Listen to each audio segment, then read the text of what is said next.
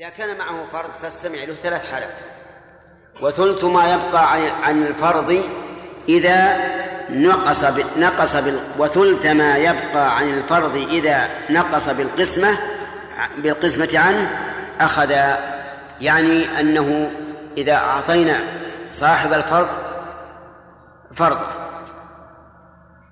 ننظر لو قاسم هل تكون القسمة أكثر أو ثلث الباقي أكثر. لكن نبدأ أولا بصاحب الفرض ولهذا قال ثلث ما يبقى عن الفرض. فنبدأ أولا بإعطاء صاحب الفرض فرضه. ثم ننظر الباقي. هل يقاسم أو يأخذ ثلث الباقي؟ أو يأخذ السدس أو سدس المال هذه ثلاث حالات. مقاسمة ثلث الباقي سدس المال. أرجو الانتباه يا جماعة. ماذا ماذا نعمل إذا كان معهم صاحب فرض أول ما ما نعمل أن نعطي صاحب الفرض فرضه ثم نقول هذا الباقي هل الأكثر ثلث الباقي أو سدس المال أو المقاسم نعطيه الأكثر أكثر من ثلث الباقي أو سدس المال أو المقاسمة. كم حالة؟ ثلاث حالات. إما المقاسمة أو ثلث الباقي أو سدس المال. أفهمتم يا جماعة؟ طيب. أه هلك هالك عن زوجة وجد وأخ شقيق زوجة وجد وأخ شقيق ماذا نعمل الآن؟ نعطي الزوجة نصيبها كم؟ الربع. المسألة من أربعة نعطي الزوجة نصيبها الربع واحد. يبقى معنا ثلاثة. هل نعطي الجد ثلث الباقي أو المقاسمة؟ سبحان الله. سبحان الله. ثلث الباقي أو المقاسمة ها؟ يا الله تلمسون هذا. كذا. إيش؟ جزما. طيب. إذا قاسم كم يأتي من الثلاثة؟ واحد ونصف لو أعطينا ثلث الباقي؟ واحد. معلوم واحد ونصف أكثر من من واحد. إذا هنا المقاسمة. الآن المقاسمة. أنتم معنا؟ طيب. هلك هالك عن زوجة وجد وثلاثة إخوة أشقاء. ماذا نعمل؟ نعطي الزوجة نصيبه. الربع. يبقى مع المسألة من أربعة نعطي الزوجة الربع واحدة. يبقى معك إيش؟ ثلاثة. عندك الآن الجد وثلاثة إخوة. أيما أكثر ثلث الباقي أو المقاسمة؟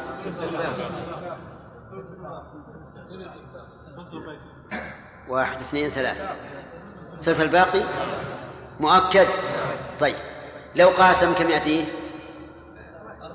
ربع الباقي. لو قاسم هم ثلاثة وواحد لأتاه ربع الباقي. ولا إذن ثلث الباقي أكثر. فنقول للزوجة الربع وللجد ثلث الباقي والباقي اثنان للإخوة الثلاثة الأشق تمام يا جماعة. طيب.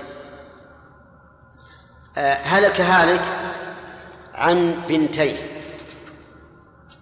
وجد وأخت شقيقة.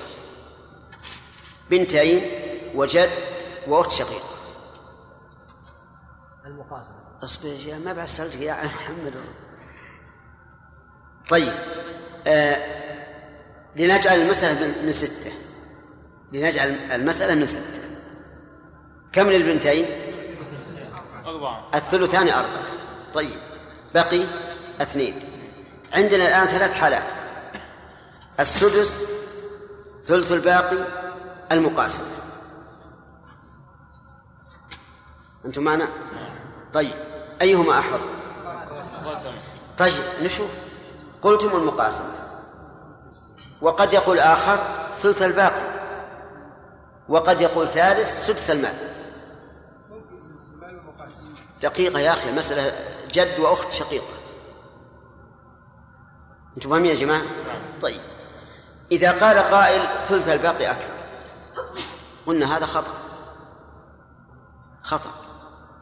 لأن ثلث الباقي الباقي اثنان كم ثلثهما؟ واحد إلا ثلث. صح ولا لا؟ الشرافي إلى الآن متردد لا لا. كم ثلث الاثنين؟ ثلث الاثنين. واحد إلا ثلث. ثلثان يا أخي. انسب اثنين إلى ثلاثة تكون ثلثين. طيب إذا لو أنه أخذ ثلث الباقي لأخذ ثلثين أقل من واحد. لو أخذ سدس المال لأخذ واحدا. طيب لو قاسم لا. لو قاسم لأخذ واحدا وثلثا. لأن اللي معه أخت وللذكر مثل حظ الأنثيين والباقي الآن اثنان. فيكون له كم؟ واحد وثلث. المقاسمة. يا إخواني المقاسمة لأنه إذا قاسم أخذ واحدا وثلثا.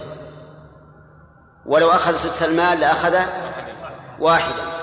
ولو أخذ ثلث الباقي لأخذ واحد إلا ثلث. واضح الآن؟ طيب.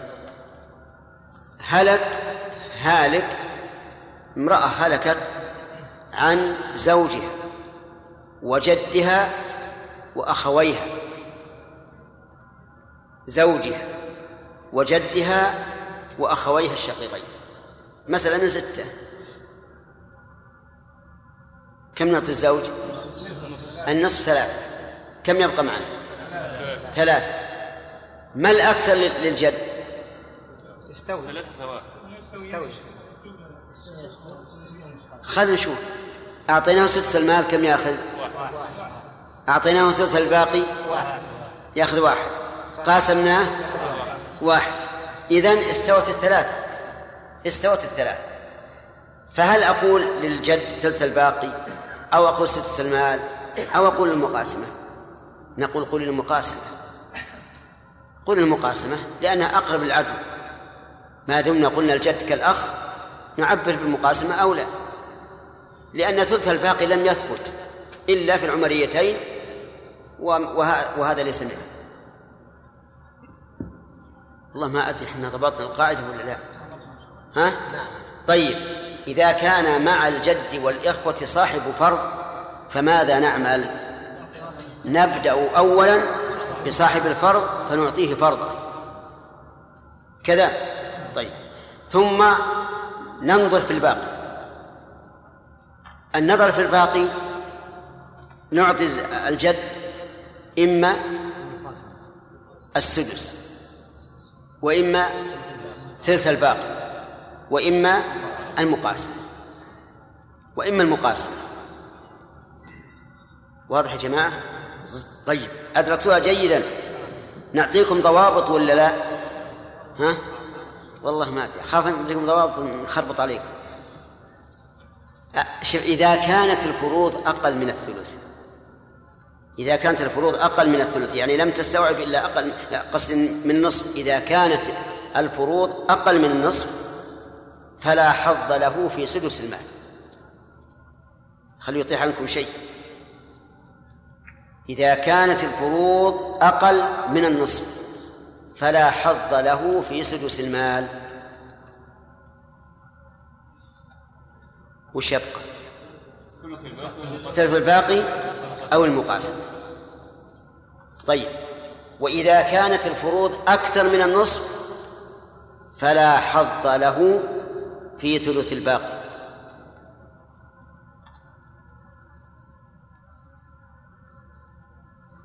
فكروا.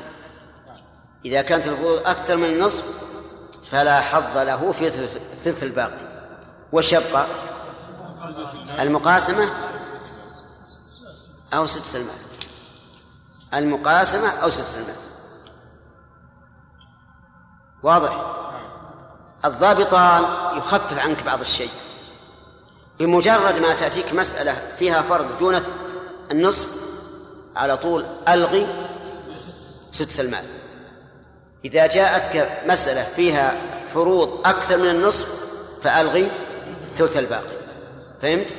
إذا كانت الفروض النصف فهنا قد تستوي الثلاثة وقد يكون الثلث الباقي أفضل وقد يكون السدس أفضل حسب الحال. هذه ضوابط آه، يعني تخفف عنكم بعض الشيء. وبهذا انتهت أحوال الجد مع الإخوة بناء على القول بإيش؟ بتوريثهم معه. أما على القول بأنهم يسقطون به فهذا راحة. وهو الراجح. وجدت إخوة مع جد على طول. اخرجوا مع الباب. لكن هل تأذن لهم أن يعدون المال معه؟ نعم. ولا بأس في الأصل لكن ربما يحسدونه. نعم. على كل حال هذا الحكم وأرجو أن نكون وصلنا إلى نتيجة. صار التقسيم. إما أن يكون مع الجد والإخوة أصحاب فروض. فكم حالة له؟ لا. نعم إما أن يكون مع أصحاب فروض فله ثلاث حالات. إما السدس أو ثلث الباقي أو المقاسم وإما أن لا يكون معهم صاحب فرض فله حالان. إما المقاسمة أو ثلث المال. أو ثلث المال. طيب الضابطان الأخيران متى نقصت الفروض عن النصف؟ فلا حظ له. فلا حظ له. مؤكد. طيب. ومتى زادت عن النصف فلا حظ له في ثلث الباقي. تمام. وإن شاء الله تعالى إن يسر الله أن نضع أسئلة تحلونها في البيت. ممكن؟ طيب. أسئلة على باب الجد والإخوة ونشوف الذي فهم والذي لم يفهم. نعم. أي نعم. الأمثلة مثلا على أن الفروض دون النصف هلك هالك عن زوجة وجد وإخوة. زوجة وجد وإخوة. هنا لا حظ له في أجب في سدس المال. لأن الزوجة ستأخذ ربع ويبقى ثلاثة أرباع. ثلاثة أرباع أقل أحواله أن يأخذ ثلث الباقي ثلث الباقي ربع أكثر من السدس. إذا لا حظ له في السدس. كذا؟ طيب هلك عن بنتين وجد وإخوة. هنا لا حظ له. لا حظ له. في ثلث الباقي. كيف؟ لأن عندنا السدس وهو سوف يأخذه بكل بكل حال وهو أكثر من ثلث الباقي. واضح؟ طيب هنا سؤال. إذا كان إذا كان الفرض استغرق المال كله إلا السدس الفرض استغرق المال كله إلا السدس يعني ما بقي إلا السدس. ها إيش يسوي؟ نعم. هلك هالك عن بنتين وأم وجد وأخ شقيق بنتين وأم وجد وأخ شقيق المسألة من ستة للبنتين كم؟ أربعة السدس الثلثان أربعة. وللأم؟ السدس واحد. بقي؟ واحد. من نعطيه؟ نقول المقاسمة؟ لو قاسم كم يجي؟ خلونا نشوف نمرن القاعدة. لو قاسم بيجيه إيش؟ ولو أخذ ثلث الباقي. سبحان الله. ثلث الواحد واحد هذه بأي بأي لغة هذه؟ إذا أخذ ثلث الباقي الباقي واحد أخذ ثلثه كم يكون؟ ثلث واحد. طيب إذا أخذ ثلث المال أخذ واحد كاملا. يأخذ سدس المال ويقال الأخ بأمان الله. واضح يا جماعة الآن؟ إذا لم يبقى إلا السدس أخذه الجد وسقط الإخوة. وهذا أكبر دليل على أن القول بتشريكهم معه ضعيف. يعني إذا قلنا بالتشريك لازم يشارك الجد في السدس الباقي. لكنهم يقول لا ما شاء ففي التناقض. القول الضعيف هذا ضعيف. طيب إذا لم يقل إلا السدس أخذه الجد ويسقط الأخ. واضح يا جماعة؟ طيب لكن سيأتينا في الباب الذي بعده. أي نعم. في الباب الذي بعد الذي بعده. مسألة تسمى الأكدرية. تسمى الأكدرية ونسأل الله أن لا يكدر أيامنا وأيام وأيامكم. أكدرية مكدرة للقواعد ومكدرة للخواطر كما سيأتي إن شاء الله تعالى فيها. على كل حال القاعدة الآن إذا لم يبقى إلا السدس إيش؟ أخذه الجد. متمشي على القاعدة اللي ذكرنا؟ نعم. هو متمشي على القاعدة اللي ذكرنا؟ نعم. إي نعم لأن قلنا إذا كان معه صاحب فرض يأخذ فرضه ثم يخير الجد ثم يكون للجد الأكثر من سدس المال ثلث الباقي المقاسمة. أي نعم. نعم. نعم. ما خل نعم. ها. زوجة؟ أي نعم. دعنا من المسألة ما بعد وصلنا المسائل يا أخي إحنا قلنا قلنا أربع من أربع.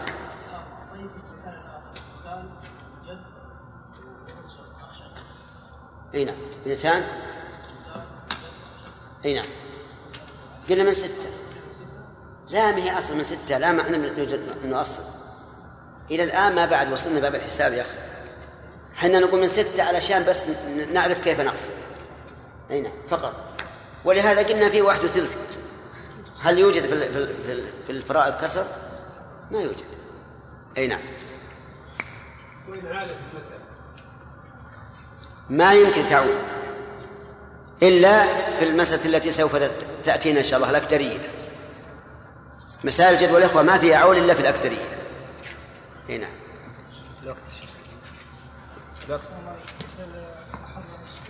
ها؟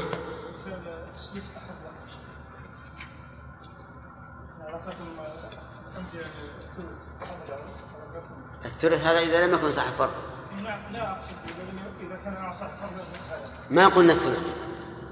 الثلث ما يبقى الثلث ما يبقى فرق بين هذا وذي أقصد مثال للسدس أحضر له السدس ما ذكرناه. ذكرناه. ذكرنا مثال أحد له السدس وذكرنا مثال ما بقي إلا السدس. ها. لكن لعلك سافرت إلى المدينة. ما هو الذي قلنا أحد له السدس؟ ضربنا بنتين وجد وثلاث إخوة.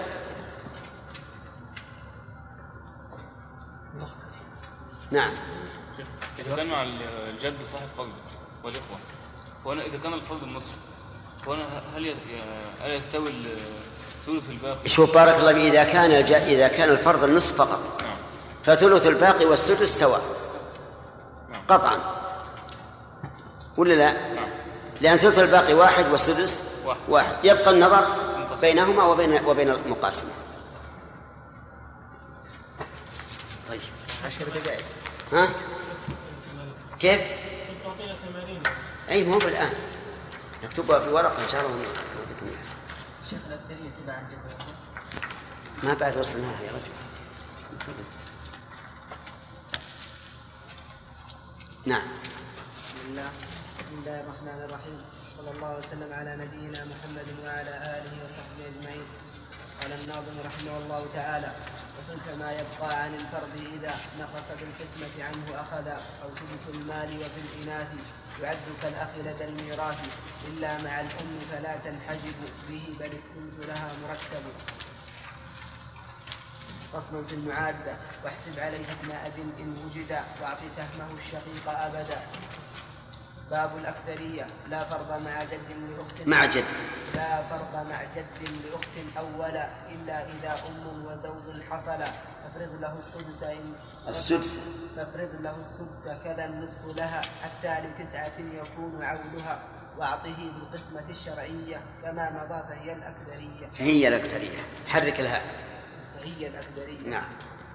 بسم الله الرحمن الرحيم. الحمد لله رب العالمين وصلى الله وسلم على نبينا محمد وآله وصحبه أجمعين للجد مع الإخوة على القول بتوريثهم معه. كم حالا؟ خمس حالات. اثنتان فيما إذا لم يكن معهم فرض و... وثلاث إذا كان معهم صاحب فرض. هكذا تقول؟ ها؟ طيب بفصل اثنتان إذا لم يكن معهم صاحب فرض وثلاث إذا كان معهم صاحب فرض. هكذا تقول؟ هكذا. نعم ثلاثة إذا كان معهم صاحب فرض. لا تكرر علي هذا بس هكذا أقول نعم ولا لا؟ أسمعتم ما يقال؟ يقول اثنتان إذا لم يكن معهم صاحب فرض وثلاث إذا كان معهم صاحب فرض. فسبحان الله. هكذا تقول. عجيب يا أخي. ثلاثة إذا كان معهم صاحب السدس دعنا ما بعد وصلنا إلى هذا. خلينا نعرف الأصل أول.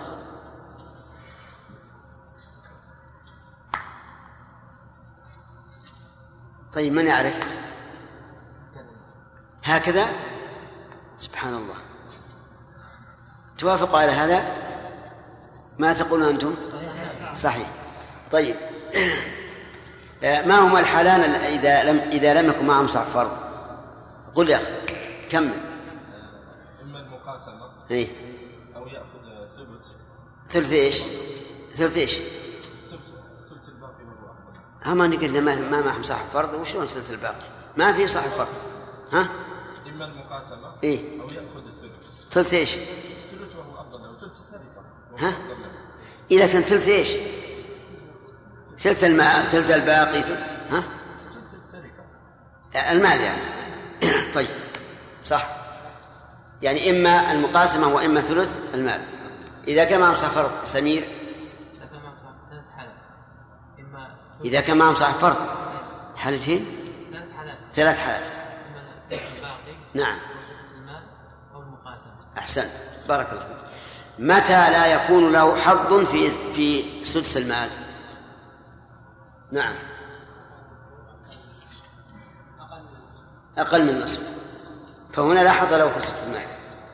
ومتى لا يكون له حظ في ثلث الباقي؟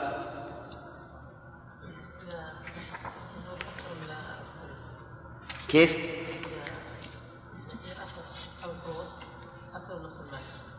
يعني نعم. إذا استغرقت الفروض أكثر من النصف ومتى تتساوى متى تتساوى له الثلاثة؟ سدس المال وثلث الباقي والمقاسمة لها الثلاثة إذا كان إذا كان فيها جد. اترك آه، التمثيل. أعطني القاعدة. إذا إذا كانت مقسومة على ستة ستة. يعني ثلث. اترك يعني. متى؟ الآن فهمنا إذا كانت الفروض ها؟ أي لا خطأ. إذا كانت تستوعب نصف إيش؟ إذا كانت المقدار نصف. إذا كانت الفروض النصف. إذا استوعبت النصف هذه واحد. وإيش؟ لابد زيادة إضافة شيء. قلنا الطلب الآن نطلب منك آه، أن تكون أن تستوي له الأمور الثلاثة. طيب هذه واحد. وغير لا- لا- لازم من إضافة قيد آخر.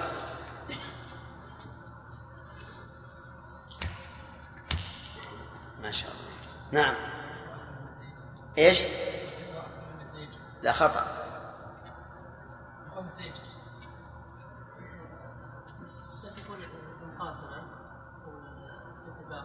متى تستوي الثلاثة؟ هذا السؤال. المقاسمة ثلث الماء الباقي سدس الماء نعم. يلا عبيد الله. نعم. إذا استغرقت الفروض النصف وكان الإخوة مثليه هات المثال.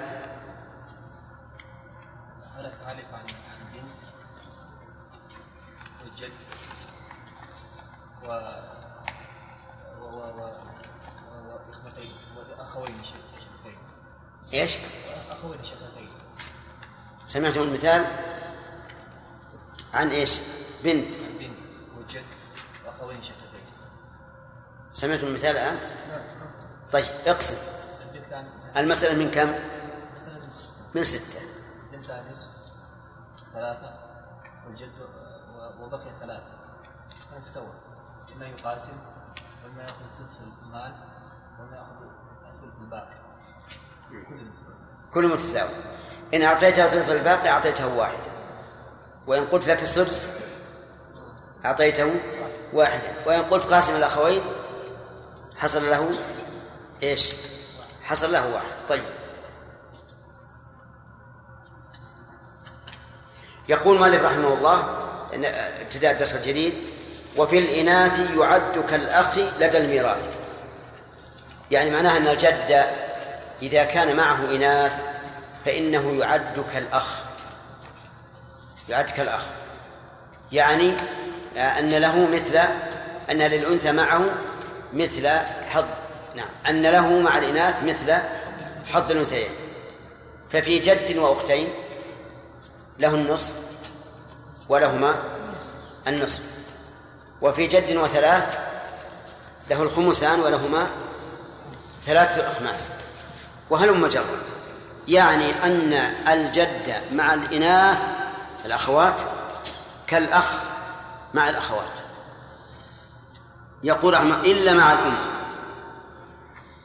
إلا مع الأم فلا تنحجب به بل الثلث لها مرتب.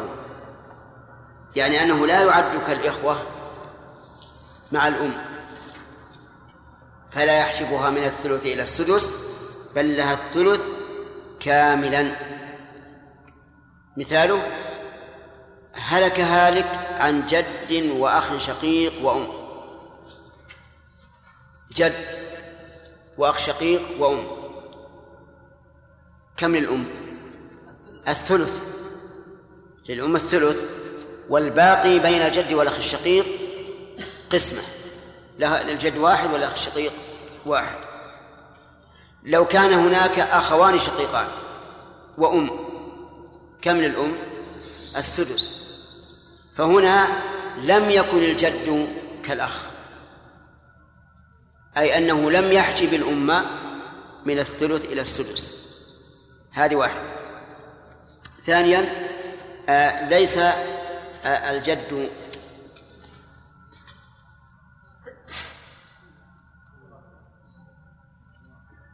ليس نعم ليس الجد كال- كالأخ في هذه المسألة. أي فيما إذا اجتمع إخ جد وأخ مع أم يقول إلا مع الأم فلا تنحجب به بل الثلث لها مرتب. طيب. انتهى الكلام على ميراث الجد. ندخل الآن في معركة. معركة وهي معركة المعادة. فقال فصل في المعادة والمعادة مفاعلة من العدد ومعناها أن يحسب أولاد الأب أولاد أبوين مع الجد. من أجل أن نضيق على الجد. ثم بعد ذلك يقتسم الإخوة الأشقة والأب المال كأنه لا جد معه. مثال هذا هلك هالك عن جد وأخ شقيق وأخ من أب. جد وأخ شقيق وأخ من أب. قلنا المعادة معناها أن نجعل الأخ الإخوة من الأب كالإخوة إيش؟ كالإخوة الأشقة حتى نعطي الجد نصيبه ثم نرجع ونع- ونعامل الإخوة معاملة من ليس معهم جد. مرة ثانية المعادة أن نحسب الإخوة لأب كإخوة أشقاء ثم نعطي الجد نصيبه. ثم نرجع ونعامل الإخوة كأن لم يكن معهم جد. ها تخمرت الفكرة ولا لا؟ ها طيب المثال جد وأخ شقيق وأخ لاب لو كان المسألة جد وأخ شقيق فكم للجد؟ ها؟ جد وأخ شقيق كم له؟ المقاسمة يعني له النصف الآن جد وأخ شقيق وأخ من أب. الآن يأخذ الثلث لأن حسبنا الأخ الشقيق والأخ لأب كأنهما كأنهما إيش؟ كأنهما شقيقان. فيأخذ الثلث. ثم بعد ذلك نعامل الإخوة معاملة من لم يكن معهم جد. هل لو هلك هالك عن أخ شقيق وأخ لأب فالمال لمن؟ للأخ الشقيق. وحينئذ نقول للجد الثلث أو إن شئت المقاسمة ثم نقول بعد ذلك أنت أخ من أب مع أخ شقيق والأخ لأب مع الأخ الشقيق لا يرث يلا اطلع برا. اطلع. نقول الإيمان للأخ لأب. ونقول هذا جزاء العاق أنت عاققت جدك وضيقت عليه. مع أخيك. نعم. فالآن عقوبتك أن نخرجك. ولا نجعل لك إرثا صح ولا لا؟ ما ما ما نعطي إرث. لأن نقول كأن الميت مات عن أخ شقيق وأخ لأب فالمال للأخ الشقيق. للأخ الشقيق وليس للأخ لأب شيء. صار الأخ الشقيق مع المعادة أكثر إرثا من من الجد كم ورث؟ ورث اثنين من ثلاثة والجد واحد من ثلاثة. طيب هلك هالك عن جد وأخ شقيق وثلاثة إخوة من أب. جد وأخ شقيق وثلاثة إخوة من أب. نقول نفرض المسألة أولا كأنه مات عن جد وكم؟ وأربعة إخوة أشقة. في هذا المثال إذا هلك عن جد وأربعة إخوة أشقاء الأحظ للجد إيش؟ ثلث المال أخذ الثلث. بقي معنا ثلثان. فيه أخ شقيق وثلاثة إخوة من أب. نقول الآن نعاملكم أيها الإخوة معاملة إيه؟ معاملة الأخوة الأشقاء إذا لم يكن معهم آه، نعم نعم معاملة الإخوة إذا لم يكن معهم جد. فلو هلك هالك عن أخ شقيق وثلاثة إخوة من أب فالمال للأخ الشقيق يأخذ الأخ الشقيق ما بقي بعد الثلث وهو ثلثان ويطرد الإخوة لأب أفهمتم هذا؟ طيب بأي كتاب أم بأية سنة هذا؟ أين هذا هذا من في كتاب الله وسنة رسوله؟ ثم هذا من أكبر العقوق الجد نسبته إلى الإخوة الأشقة لأب؟ جدهم. ولا لا؟ هو جدهم. وكل الأخوة الأخوة لأب يضيقون عليه وينزلون ميراثه ثم بعد ذلك يطردهم الأخ الشقيق. قطائع. قطائع رحم. الأخ الشقيق قطع جده حيث حسب عليه. امشوا يا جماعة. الأخ لأب والإخوة لأب قطعوا جدهم حيث حرموه حرموا الجد. من المقاسمة وهي أحظ له. فكانت قطيعة فوق قطيعة. ولهذا نرى أن مسألة المعادة ازدادت ضعفا إلى ضعف توريث الإخوة مع مع مع الجد. فهي مسألة ضعيفة. لا تنبني على أي قاعدة من قواعد الشرع. طيب بقينا عاد الأكثرية. الأكثرية أشد وأطم. الأكدرية قيل إنها نسبة إلى رجل يقال له أكدر. نعم. وقيل إنها أكدرية لأنها كدرت قواعد زيد بن ثابت في باب الجد والإخوة. وسواء هذا أو هذا فهي في الحقيقة قد كدرت قواعد زيد. وقواعد الفرائض كلها وكدرت على على الجد. نعم في نصيبه. وعلى الأخت أيضا. وصار فيها بلاء. ولهذا انتبهوا له انتبهوا له وأظنكم إن شاء الله فهمتم المعادة تماما. إيش المعادة؟ أن نعد أو الإخوة من الأب إخوة أشقاء حتى يأخذ الجد نصيبه ثم نعد الإخوة جميعا كأنهم ورثوا الميت بدون بدون جد. ونقسم على هذا الأساس. الأكثرية يقول رحمه الله لا فرض مع جد لأخت أولا. هذه من قواعد الجد. أنه لا يمكن أن يفرض للأخت مع وجود الجد. لكن في أول الأمر احترازا من أن يفرض لها في ثاني الحال. يعني قد يفرض قد يفرض للأخت مع الجد في ثاني الحال ولن أخبركم بذلك إلا في النهاية إن شاء الله. دعوها. لكن لا فرض للجد مع للأخت مع الجد أولا. وش معنى أولا؟ يعني في أول الأمر وابتداء الأمر ما يمكن يوجد فرض للأخت مع الجد. إلا إلا في الأكثرية. الأكثرية التي الدنيا. فالأكثرية يفرض للأخت ابتداء مع الجد إلا إذا أم وزوج حصل فافرض له السدس كذا النصف لها حتى لتسعة يكون عولها وأعطه بالقسمة الشرعية كما مضى فهي الأكثرية. صورة المسألة عشان يسهل تطبيقها. هلك هالك عن أم وزوج. والهالك ما من؟ زوج ولا ولا زوجة؟ زوجة.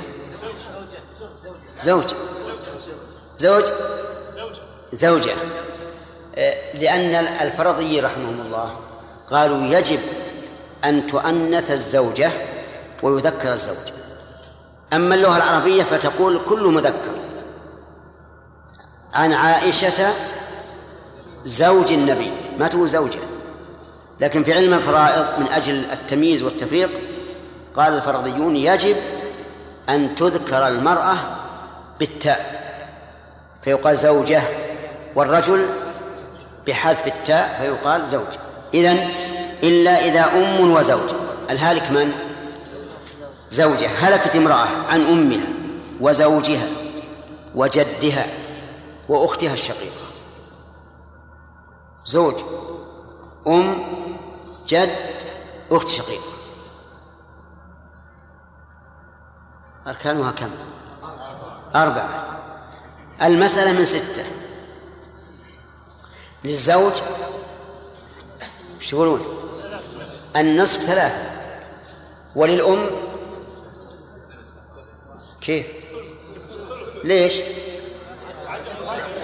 ما في جمع من الإخوة لأن الجد ما, يحسب أخ للأم الثلث اثنان وش يبقى؟ واحد مقتضى القواعد السابقة أن يأخذه الجد الجد وتسقط الأخت لأن القاعدة في في باب الجد والإخوة أنه إذا لم يبقى إلا السدس أخذه الجد وسقط الإخوة فمقتضى القواعد السابقة أبكر معنا أنت ولا ما زلت هناك؟ طيب. آه نقول مقتضى القواعد السابقة أن الجد يأخذ السدس والأخت تسقط لكن هنا لا. نقول للجد السدس. وللأخت وللأخت النصف عائلا. كم نصف الستة؟ تعول إلى تسعة. إذا صحت المسألة من تسعة الآن. للزوج النصف للزوج ثلاثة. وللأم اثنان. وللجد واحد. وللشقيقة ثلاثة. تمام؟ هنا إشكال. كيف إن أن الأنثى أخذت ثلاثة أرباع والذكر ربع؟ هذه لا يوجد في الدنيا كلها. قالوا إذا كان لا يوجد في الدنيا كلها يرجع الجد الآن إلى الأخت الشقيقة ويقول أنا ذكر وأنت أنثى. وللذكر مثل حظ الأنثيين. كم نصيبهما؟ نصيبهما. واحد وثلاثة عند الأخت الشقيقة. أربعة. يقول الجد أنا ذكر وأنت أنثى. وللذكر مثل حظ الأنثيين. اقسمي. أضم نصيبي إلى نصيبك ويقسم بيننا. يقسم بيننا. كيف كم نعطي الجد؟ لا يا أخي نعطيه اثنين أعطيته النصف وهو بياخذ ثلثين ها؟ يقولون يقولون في هذه الحال آه نصحح المسألة. فنقول أربعة على ثلاثة. رؤوس الجد والأخت؟ ثلاثة. الجد له رأسين؟ كذا يا أحمد. له رأسان؟ كيف؟ إيه لكن أنا أسألك هل له رأسان ولا عن رأسين؟ إيه ولا ما له رأسان؟ طيب. آه آه الجد عن رأسين والأنثى عن رأس اقسم أربعة على ثلاثة لا ينقسم إلا بكسر. إذا اضرب ثلاثة في تسعة. ثلاثة في تسعة بسبع وعشرين. ثلاثة في تسعة بسبع وعشرين. ثم اضرب نصيب كل واحد بما ضربت به المسألة. اضرب نصيب الزوج ثلاثة في ثلاثة. نصيب الأم اثنان في ثلاثة ستة هذه الجميع خمسة عشر. وش يبقى معك؟ يبقى معك اثنى عشر. للجد ثمانية ولل للأخت الشقيقة أربعة. أفهمتم الآن؟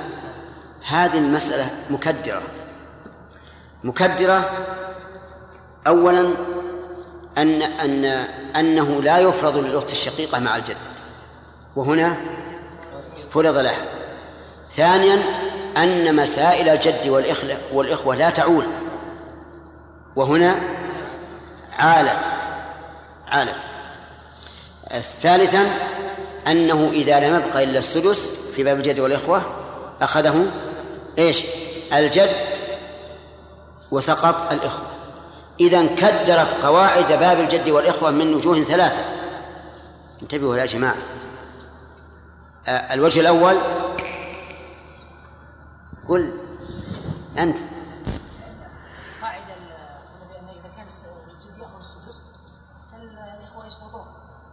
أنت أخذت الوجه الأخير جزاك الله خير. لكن ما يخالف نعذرك آه. وهنا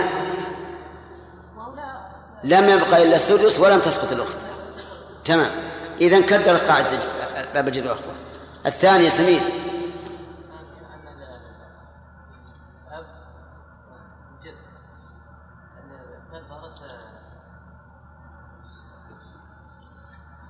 نريد تكديره لقواعد باب الجد والإخوة. أنه لا عول في مسائل الجد والإخوة إلا إيش؟ إلا في الأكثرية. القاعدة في باب الجد والإخوة أنه ما فيها عول. لأنه إذا لم يبقى إلا السدس أخذه الجد وانتهى الموضوع. لكن في باب الأكثرية عالت المسألة. هذه اثنان. ثالث إيش؟ الأخت الشقيقة مع الجد ما تأخذ. لا. الجد الأشقاء خطأ لأنه في الأول أمر ما فرض للأخت ثم فرض أنه لا يفرض للأخت في باب الجد والإخوة أبدا إلا في هذه المسألة. يعني لا فرض للأخت مع الجد إلا في هذه المسألة. فخالفت باب الجد والإخوة من ثلاثة أوجه. نقول أيضا خالفت كل الفرائض كل فرائض الله الموجودة في الكتاب والسنة خالفت. إذ لا يمكن لأحد أن يورث أولا بالفرض ثم بالتعصيب. هذا كدر كل أبواب الفرائض. وفي باب الأكثرية ورثت الأخت أولا بالفرض ثم عدنا عليها وورثناها بالتعصيب. ولا يوجد في في باب المواريث شيء شيء هكذا. فصارت الأكدرية في الواقع على اسمه أكدرية كدرت أولا قواعد باب الجد والإخوة من ثلاثة وجوه. وستسألون عن هذا إن شاء الله تعالى في الدرس القادم. وكدرت باب الفرائض كله من وجه واحد وهو إيش؟ شيخ. أنه ورثت الأخت أولا بالفرض ثم بالتعصيب وليس أحد يكون هكذا أبدا لأنه إما أن يرث بالفرض وحده أو بالتعصيب وحده. أو يرث بالفرض والتعصيب باعتبار جهتين مثل زوج هو ابن عم يرث بالزوجية ويرث بالعصوبة. فإذا هي أكدرية اقسموها على القول الراجح. ها؟ آه نعم. على قول الراجح تسقط الأخت والباقي للجد. فللزوج النصف وللأم الثلث والباقي للجد ولا شيء للأخت. هذا القول الراجح وسبحان الله العظيم الراجح مريح. ما يحتاج تعب ولا كلمة شيخ بارك الله فيك. المعادة هل تدخل من أول باب الجد والإخوان؟ أي نعم. من أول باب الجد والأخوة سواء معهم صاحب فرض أو لم يكن. نعم. جديرون بالطرد يا محمد لأنهم عقوا والدهم. وذولاك صاروا والعياذ بالله معتدون صاروا معتدين الإخوة الأشقاء. أخذوا ما اعتبروه نصيبا لإخوتهم من أب أول. فتجد الأخ من الأب ما شاء الله حصل ملايين لأن الميت عنده ملايين كثيرة. نعم. لما كان جد وأخ شقيق وأخ لأب والميت عنده ثلاثين مليون. كم أخذ الجد؟ عشر ملايين. وبقي عشرين مليون بين الأخ لأب والأخ الشقيق كان الأخ لأب ما شاء الله فرح. يقدر ويفكر. عشرة ملايين سأبني بها بيوتا وأشتري سيارات وأتزوج أربع نساء وأتسرى مئة سرية سرية. نعم. وإذا بالأخ الشقيق يقول اطلع مع الباب ما لك شيء عجائب سبحان الله نعم إيش؟ إيش؟ وش الثالثة؟ وش الثالثة؟ الفائدة الثالثة وش القاعدة؟ ما عندنا قواعد آه يعني ما خالف ما خالف التريم باب الجد والإخوة قلنا خالفته من ثلاث وجوه. الأول أنه لا يفرض للأخت مع الجد إلا في باب الأكترية. الثاني أنه لا يعول في مسائل الجد والإخوة إلا مسألة إيش؟ الأكترية. الثالث عندك.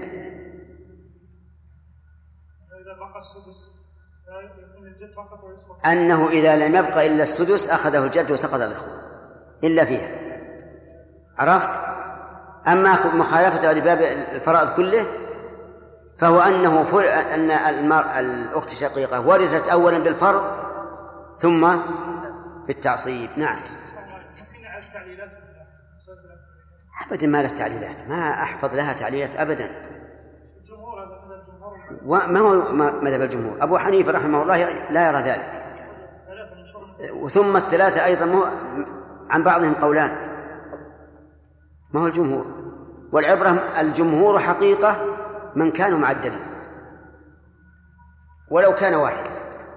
نعم. أذن لهذا. نعم. لماذا أصحاب القول الثاني عدلوا عن قول أن الجد يأخذ السدس في حالة الفقر وجعل البنت شريكة؟ هنا يعني جعل الأخت. نعم. هو أصل هذه يعني يزعمون أن هذا ما روي عن زيد بن ثابت. ما روي عن زيد بن ثابت ويقول زيد بن ثابت قال فيه الرسول عليه الصلاة والسلام أفرادكم زيد. والحديث هذا أخبركم أنه ضعيف لا تقوم به حجة وعلى تقدير صحته فإنه مخ... موجه إلى أناس معينين.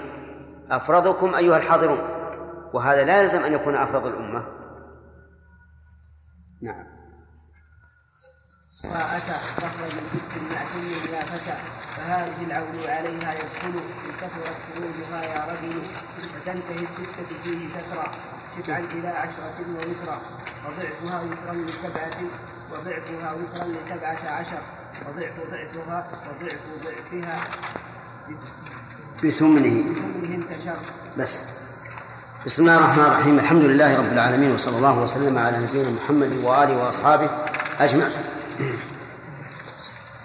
سبق لنا باب ميراث الجد والإخوة وذكرنا أن للعلماء في أن أصل الخلاف بين العلماء يدور على شيئين. هل يرث الإخوة مع الجد أو لا؟ وبينا أن من الإخوة من لا يرث مع الجد بالاتفاق. ومنهم من فيه خلاف. من الذي يرث من الذي لا يرث من الإخوة بالاتفاق؟ الأخ. الأخ لا خطأ. لأم لا يرث بالاتفاق نعم. الإخوة لأم لا يرثون مع جد بالاتفاق. ومن الجد الذي يرث معه الإخوة؟ آه نعم. الذي يرث الإخوة مع وجوده بالاتفاق. نعم. الجد الذي بينه وبين الميت أنثى. هذا يرث الإخوة مع وجوده مهم معه مع وجوده بالاتفاق. طيب. آه إذن الخلاف في الجد لأب والإخوة لغير أم. فما هو القول الراجح في هذه المسألة؟ القول الراجح أنهم يحجبون مطلقا. أنهم يحجبون مطلقا. طيب. وهذا هو الراجح وهو الرايح هو اللي فيه الراحة. طيب أما على قول بأنهم يرثون معه أعني الإخوة الأشقاء الأب فله معهم خمس حالات. خمس حالات ثلاث حالات فيها تفريط. إذا كان معهم فرد وحالتان إذا لم يكن معهم. طيب الحالتان إذا لم يكن معهم فرد ما هم؟ ما هم؟ الحالتان لم يكن معها فرد نعم. الثلث نعم. ومقاسمة. أحسنت. صالح. الأحوال اللي مع إذا كان معهم صاحب فرد المقاسمة وثلث ثلث الباقي والسدس سدس إيش؟ سدس مال. سدس المال. تمام. آه، إذا كان إذا لم يكن معهم صاحب فرض فهو, فهو إما الثلث وإما المقاسمة. إذا كانوا أكثر منه مرة ثلاث مرات هل يمكن تمكن المقاسمة؟ إذا كان أكثر من ثلاث مرات لا, لا يمكن مقاسمة ليش؟ لاحظ على فكر يا أخي. قبل أن تجيب فكر. نحن ينقصنا أن نتسرع في الإجابة لا يا شيخ لا لا تكون حظ لها المقاسمة. المهم إذا كانوا كثر أكثر من ثلاث مرات فأكثر. هل يمكن مقاسمة؟ يمكن نعم ولكن الأحظ له هو غير المقاسمة يعني ما ليس له حظ في المقاسمة ليس له حظ في المقاسمة نعم الأحظ له أن لا يقاسم ليس له حظ في المقاسمة نعم. نعم متأكد؟ نعم وش تقولون؟ يعني العلم اللي يكون هكذا يعني الواحد يتلمس ما هو علم إذا إذا كانوا أكثر من ثلثيه فليس له حظ في المقاسمة هذه قاعدة مفيدة. مثلا جد وثلاث إخوة على طول تقول على حظ له الثلث؟ صح ولا لا؟ جد وأخ على طول تقول الأحظ لهم المقاسمة جد وأخوان يستوي له الأمر. إن قاسم أخذ واحد من ثلاثة وإن أخذ الثلث أخذ واحد من ثلاثة. طيب. إذا كان معهم صاحب فرض فمتى يسقط سدس المال محمد. هم يخير بين ثلاثة أشياء مع ذي الفرض مقاسمة سدس المال ثلث الباقي. متى لا يكون له حظ في سدس المال إذا كانت الفروض أقل من النصف. إذا كانت الفروض أقل من النصف. توافقون؟ إذا كانت الفروض أقل من النصف فلا حظ له في سدس المال يبقى النظر بين المقاسمة وإيش؟ وثلث الباقي. ومتى يسقط ثلث الباقي؟ إذا كانت الفروض أكثر من النصف. صح. هنا يسقط ثلث الباقي. إما إذن إما الثلث وإما المقاسمة وإذا كانت الفروض النصف. الأخ. إذا كانت الفروض النصف. نعم. يعني يعني كنت تستوي الكل.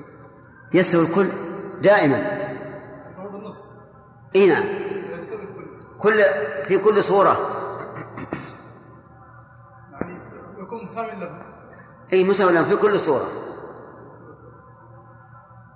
أجب نعم ولا لا؟ نعم. نعم متأكد؟ غير صحيح. يلا خالد. تستوي إذا كان معه أخوان دعنا. اذكر ما يستويان على كل حال. يستوون على كل حال إذا كان جد مع الآن النصف. ما هو- ما أريد الصورة. أريد الضابط. إذا كانت الوضع النصف فيستوي له على كل حال. كان الفروض النصف. إيه. يخير بين الثلاثة. لا إله إلا الله. يستوي له يا رجل. نعم. ما الذي يستوي له إذا كان نصف يستوي له على كل حال. شو يا سمير الباقي النصف السدس وثلث الباقي. تمام. إذا كانت الفروض النصف فإنه قطعا يستوي له ثلث الباقي وسدس المال. ما في شك. لأن سدس آه، ثلث النصف لأن ثلث النصف سدس سدس الكل. واضح؟ فيبقى النظر الآن بين المقاسمة والثلث أو السدس انتبهوا الضوابط ترى تريحكم بعض الشيء. فيه معادة مشتملة على العقوق وقطيعة الرحم ما هي؟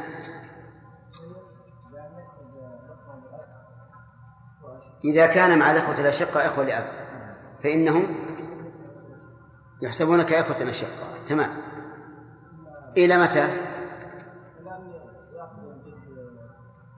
نصيبه ثم يسقط الأخوة لأب بالإخوة الأشقاء بارك الله فيك. هذه تسمى المعادة لأن الإخوة الأشقاء عدوا الإخوة لأب على الجد ثم عادوا وأخذوا إيش؟ نصيبهم. يعني غزوا بهم وأخذوا غنيمتهم. طيب. آه من يأتي لنا بصورة؟ سامح؟ جد شقيق نعم. ونحسب الأخ الأب اخا شقيقا فيكون الجد يأخذ الثلث اما بالمقاسمه أو بثلث المال والباقي الثلثان ياخذهم الأخ الشقيق ويسقط الأخ فيكون الأخ الشقيق الآن أكثر من الجد. حقيقة الأمر أن أن الأخ الشقيق صار أكثر من الجد بسبب هذا هذه المعادة. صح؟ طيب. ماذا ترى في المعادة؟ أصحيحة هي أم غير صحيحة؟ غير صحيح غير صحيحة. حتى لو صححنا باب الجد والإخوة ما صححنا هذا.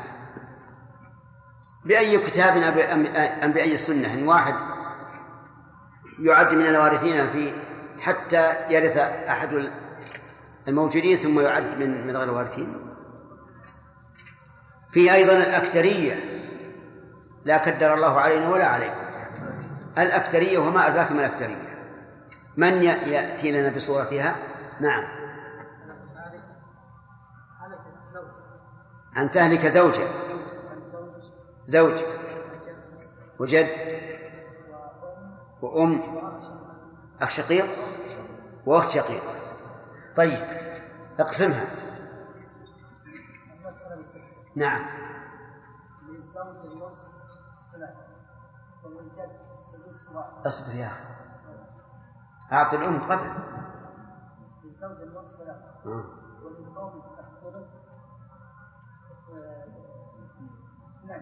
نعم. طيب. وتسقط. تسقط الأخت الشقيقة. إذا ما في تقدير هذا. هذا قسمة صحيحة على كل الأقوال. ما عرفت القسم كم؟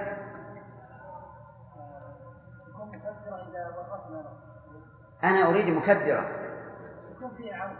أي ما يخالف اللي تبي كم تجعل للأخت الشقيقة؟ كم تجعل للأخت الشقيقة؟ يكون لها ثلث الثلثان بأي كتاب أم بأي سنة يكون لها الأخت الشقيقة ثلثان أنت ما ضبطت. واضح أنك أنت صاحب الفرائض. ولا لا؟ لا الحازم. ها؟ حازم. كيف؟ اي العقيدة. طيب. يلا عبد الله. للأخت النصف كم؟ تعول؟ تسعة. كمل. كمل. ثم نقسم عاد للزوج النصف ثلاثة وللأم ثلث اثنان هذه خمسة. وللجد السدس واحد هذه ستة وللأخت الشقيقة النصف ثلاثة هذه تسعة. ثم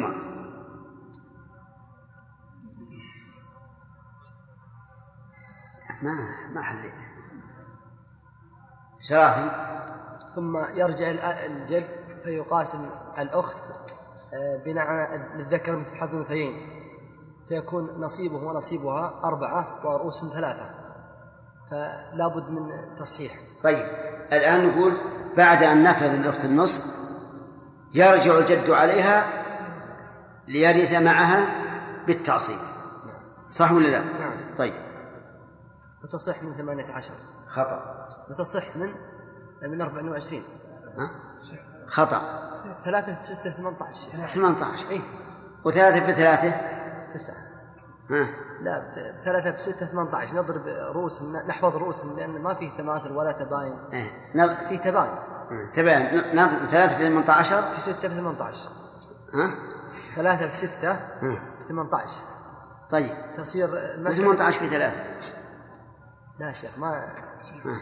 ثم نضرب خطأ خطأ. شيخ؟ اسمع اسمع. إيه في عول المسألة. في إيه تبلغ 27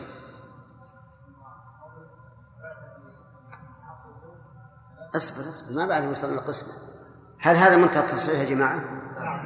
ثلاثة في تسعة سبعة وعشرين. إذا تسعة من سبعة وعشرين. لكل واحد سهمه لكل واحد سهمه من أصل المسألة مضروبا في ثلاثة. للزوج ثلاثة في ثلاثة. ها؟ وللأم؟ للأم ثلاثة في اثنين أما إيه لكن الأم كم لها فيك؟ اثنين. في؟ ترى كنت قبل قليل قلت ثلاثة في أثنين. طيب. إذا غلط. إذا لها اثنان في ثلاثة. كم؟ نعم. وللجد والأخت أربعة في ثلاثة؟ باثنى عشر. لها أربعة وله ثمانية. فهمتم؟ طيب. هذه الأكثرية آه، لماذا سميت بهذا الاسم؟ أه؟ أنت نعم. اللي وراك. قدر على قواعد زيد الثاني أحسنت. لأنها كدرت قواعد زيد بن ثابت في باب في باب الجد والإخوة في باب الجد والإخوة. أو لأن الذي سأل عنها رجل من من أكدر لكن الله أعلم. الظاهر أن المعنى الأول أحسن. كيف كدرت قواعد زيد في باب الجد؟ قدرت اولا أنها عاله أنها عالت. ولا يوجد في مسائل الجد والإخوة عول إلا فيها. هذه واحد. ثانيا أن الجد له سدس والإخوة يسقطون. إذا لم يبقى إلا السدس فهو للجد والإخوة يسقطون. وهنا؟ هنا ما سقط. لا لم يسقط الأخت. فرض للأخت فرض للأخت والأخت لا تقرض مع الجد. أنه فرض للأخت الشقيقة مع الجد وهو لا يفرض لها ابتداء مع الجد. زين. هذه ثلاثة كدرت أصول باب الجد. هي كدرت أصول الفرائض كل كلها. إيش؟ نعم. أولا لأنه فرض لها مع الجد وهذا لا يمكن. لأن شرط إرث الأخت الشقيقة النصف ما سبق أن لا يوجد أصل من الذكور وارث. وثانيا أننا أورثناها أولا بالفرض ثم بالتعصيب وهذا لا يوجد له نظير في الفرائض. إذن هي ضعيفة ضعيفة ضعيفة كم كرة؟ لا خمس مرات. كررت باب آه، كدرت باب الجد ثلاث مرات وكدرت كل الفرائض مرتين فهي ضعيفة خمس مرات. طيب. ما هو قسمتها على قول الراجح؟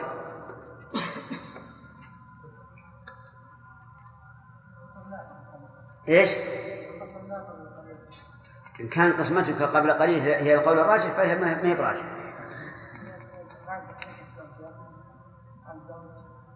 زوج وأم وجد وأخت شقيقة. آه، كم؟ نعم. هذا قول الراجح. ليس الراجح ليس الراجح هو قال تسقط الباقي للجد ما نقول للجد السدس. صحيح يا جماعة؟ هذا القول الراجح. للزوج النصف ثلاثة وللأم الثلث اثنان و... و... و... والباقي للجد. بالتعصيب. هذا هو القول الراجح والحمد لله أننا فهمنا هذا الباب الذي كان نبقى به أسابيع. لكن الحمد لله إن شاء الله أننا فهمناه.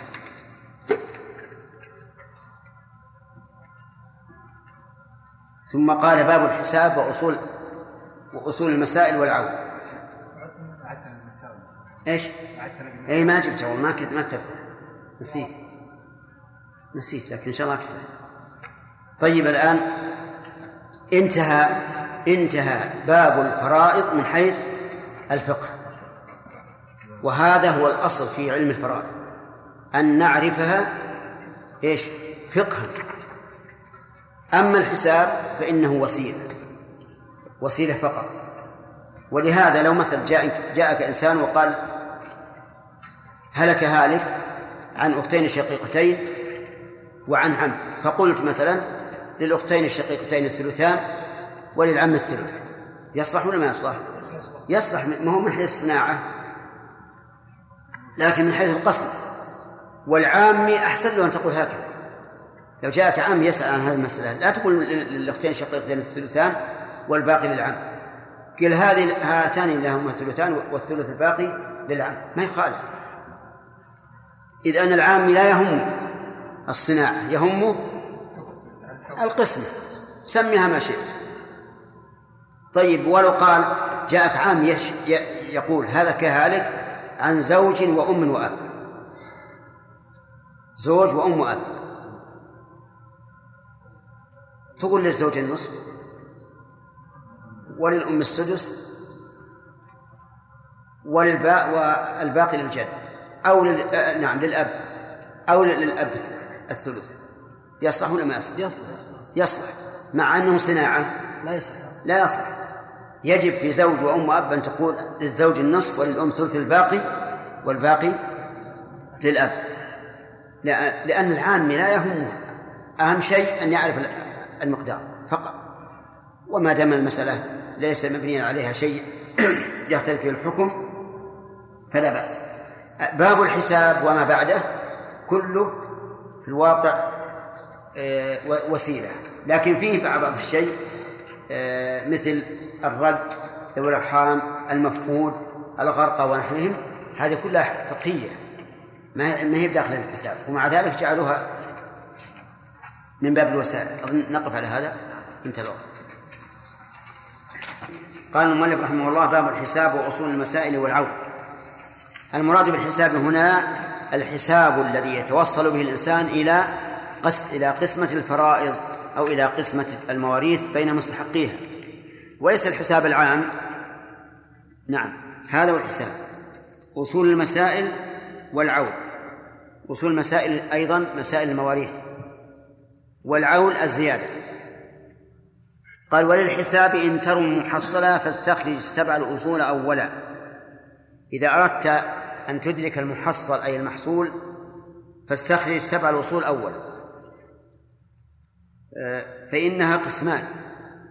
أي الأصول السبعة قسمان قسم يعول وقسم لا لا يعول فالأصول السبعة هي اثنان وثلاثة وأربعة وستة وثمانية واثنى عشر وأربع وعشرين. سبعة أصول.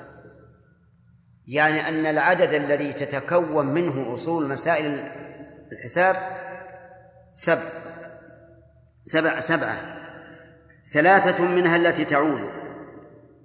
ثلاثة من هذه الأصول السبعة تعول وثلاثة لا. وأربعة لا تعول. ومعنى العول أن تزداد فروض المسألة على أصلها. فمثلا الستة تعول إلى سبعة في زوج وأختين شقيقتين.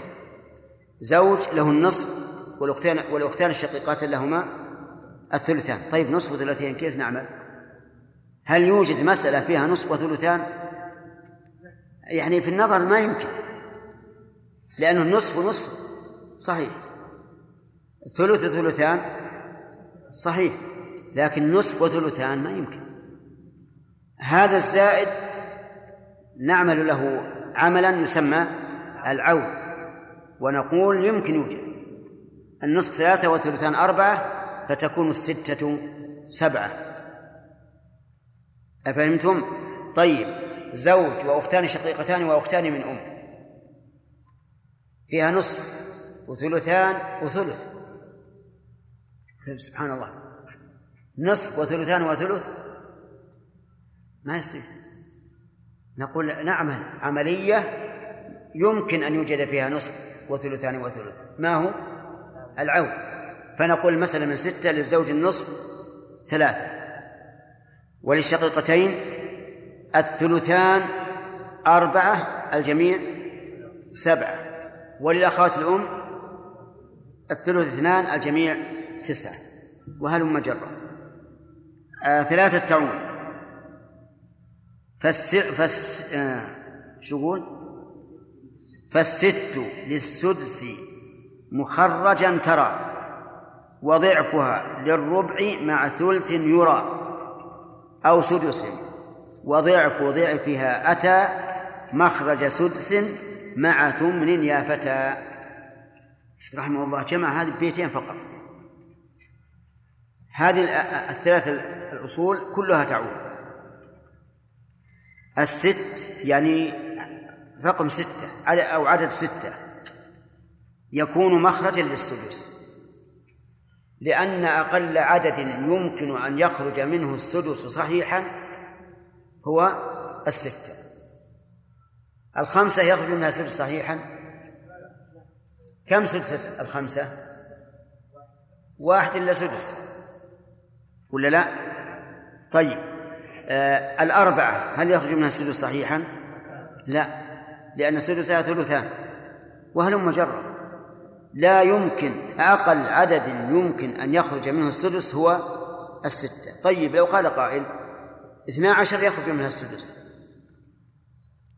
صح ولا لا؟ اثنا عشر يخرج منها السدس صحيحا. كم سدسها؟ اثنان. نقول نعم يخرج منها السدس صحيحا لكن كلما أمكننا الاختصار كان أوجب. يجب أن نختصر بقدر الإمكان. فأيما أخسر السدس من ستة أو السدس من اثني عشر؟ الأول إذا نأخذ بالاختصار. كل مسألة فيها سدس فقط فهي من ستة. أم وابن فيها سدس فقط للأم السدس والباقي للابن. جده وابن من سدس. إذن نعم لأن فيها سدس والباقي. أم أم أخوان. فيها سدس من ستة وهلم جرا كل مسألة فيها سدس فقط فهي من ستة. أو فيها سدس وفرض يداخل السدس. فهي من ستة. كل مسألة فيها سدس. وفرض يداخل السدس فهي من ستة. خمروها في الدماغ. ممكن. طيب. سدس وثلث. داخل. طيب سدس ونصف. سدس وثلثان داخل. تمام. آه، سدس وثلث كأم وأخوين من أم وعم. أم وأخوان من أم وعم. للأم السدس. وللأخوين من أم الثلث. الباقي للعم. طيب. سدس ونصف جدة وزوج وعم يا شيخ أستاذ الطلب ثلاث مرات من قول المره الاولى مضى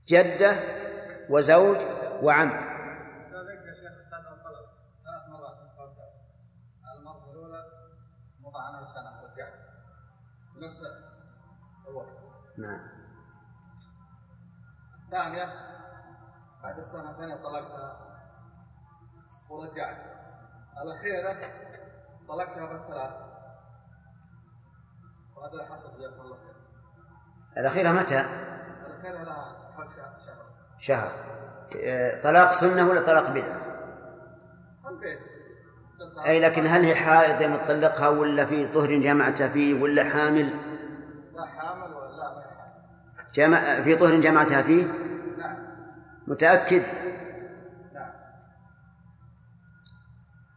أعد زوجتها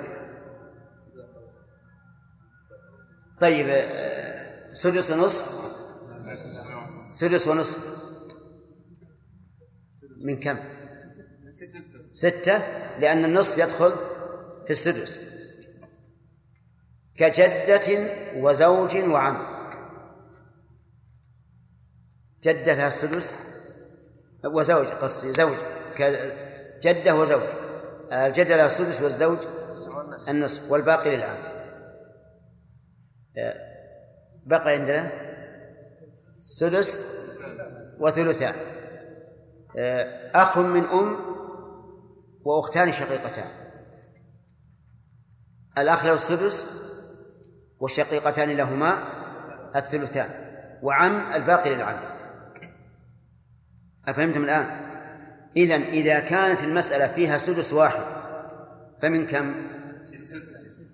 فيها فرض يداخل السدس من ستة ما الذي يداخل السدس؟ النصف والثلثان والثلث طيب. آه يقول المؤلف وضعفها للربع مع ثلث جرى. ما ضعف الستة؟ اثنا عشر. الاثنا عشر لا يمكن أن تكون إلا في فرضين متباينين. لا يمكن أن تكون إلا في فرضين لا بد من فرضين متباينين. لأن الفرضين المتداخلين سبق. في الستة. لكن فرضين متباينين كالربع مع الثلث والربع مع الثلثين. والربع مع السدس كم ذي من صورة ربع ثلث. ربع وثلثان ربع وسدس. تأملتم؟ طيب آه، هلك هالك عن زوجة وابن من اثنا عشر. انتظروا يا جماعة لا تقيدون حتى نشوف. لا ليس من 12 هلك هالك عن زوجة وإيش؟ وابن. لا زوج وابن. هلك هالك عن زوج وابن.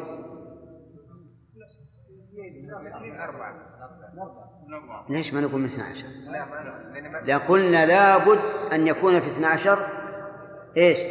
فرضان متباينان. لابد طيب آه زوج وأم آه زوجة وأم وعم. زوجة وأم وعم.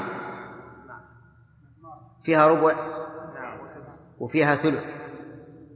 من 12 من 12 من أين جاء 12 مخرج الثلث من ثلاثة ومخرج الربع من أربعة وأقل عدد يمكن أن يجتمع فيه ثلث وربع هو 12 لأنك تضرب ثلاثة في أربعة تبلغ 12 واضح يا إخواننا طيب.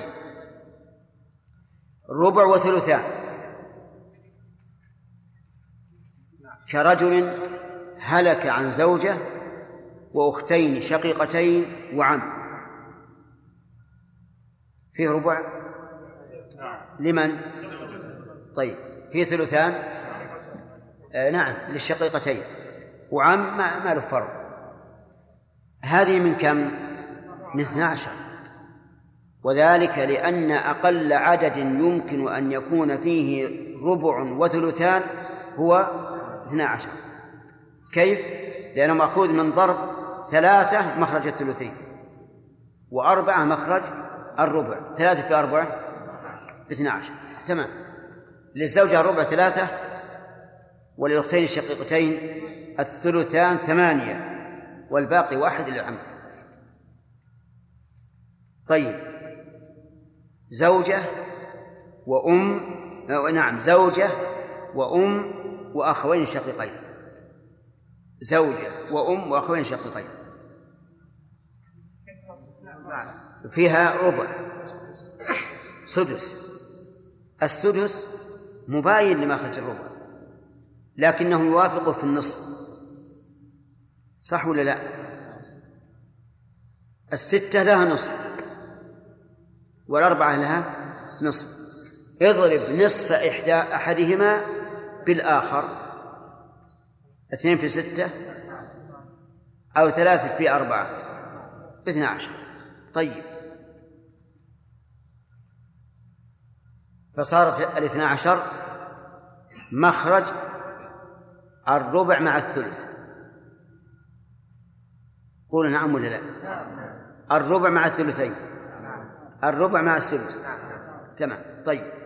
يقول مالك رحمه الله وضعف وضعف وضعف هذا الربع مع ثلث جرى. المؤلف رحمه الله ما استوعب الصور كلها ذكر الربع مع الثلث. ونحن زدنا إيش؟ الربع والثلث والربع والثلثين.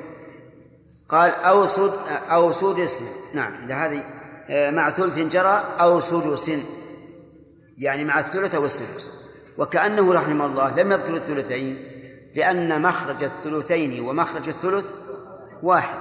نعم. قال وضعف ضعفها أتى. ضعف ضعف الستة. كم؟ أربعة وعشرين؟ نعم. أتى لإيش؟ مخرج سدس مع ثمن يا فتى. متى وجدت؟ ثمنا مع سدس. فمن أربعة وعشرين. ثمن مع ثلث. ها؟ ثمن مع ثلث أخطأتم خطأ كبيرا. سبحان الله. لا يجتمعان أبدا. الثمن والثلث ما لا يجتمعان في مسألة واحدة. نعم؟ وأنتم ما شاء الله ماشيين على طول. طيب. نعم؟ لا هنا فرق ما هو عندنا. طيب الثمن مع الثلثين. من 24 كذا الثمن مع الثلثين من 24 إذن يمكن ثمن مع سدس. ثمن مع ثلثين. واضح؟ ثمن مع نصف. يمكن يجتمعان؟ نعم من 24 ها من كم؟ من ثمانية يا أخوان. لأن قلنا متى حصل أقل عدد لا. لا ترتقي لما فوق. فثمن مع نصف. يجتمعان. زوجه بنت. لكن لا نقول من 24 لأنه يمكن أن أن نصححها من من ثمانية. وإذا أمكن اختصار العمل فهو الأولى. طيب إذن الثمن مع السدس من 24 لماذا؟ لأن الثمن من ثمانية والسدس من ستة متباينان لكن يتوافقان في إيش؟ في إيش؟ نصف. متأكدون؟ طيب إذا اضرب نصف أحدهما في الآخر. ثلاثة في ثمانية أربعة في ستة بأربعة وعشرين. إذا مخرج المخرج من أربعة وعشرين. الأربع وعشرين نعيد مرة نعود مرة ثانية. الأربع وعشرين تكون في ثمن مع سدس. نعم أو لا؟ في ثمن مع ثلثين. في ثمن مع ثلثين. نعم. في ثمن مع ثلث. لا. تمام. في ثمن مع نصف؟ لا. أما ثمن مع ثلث فلا لأنه لا يتصور. وأما ثمن مع نصف فلا لأنه يمكن تحصيل عدد أقل. تمام؟ طيب. أسألكم ليش ما يمكن ثمن مع الثلث؟ صالح.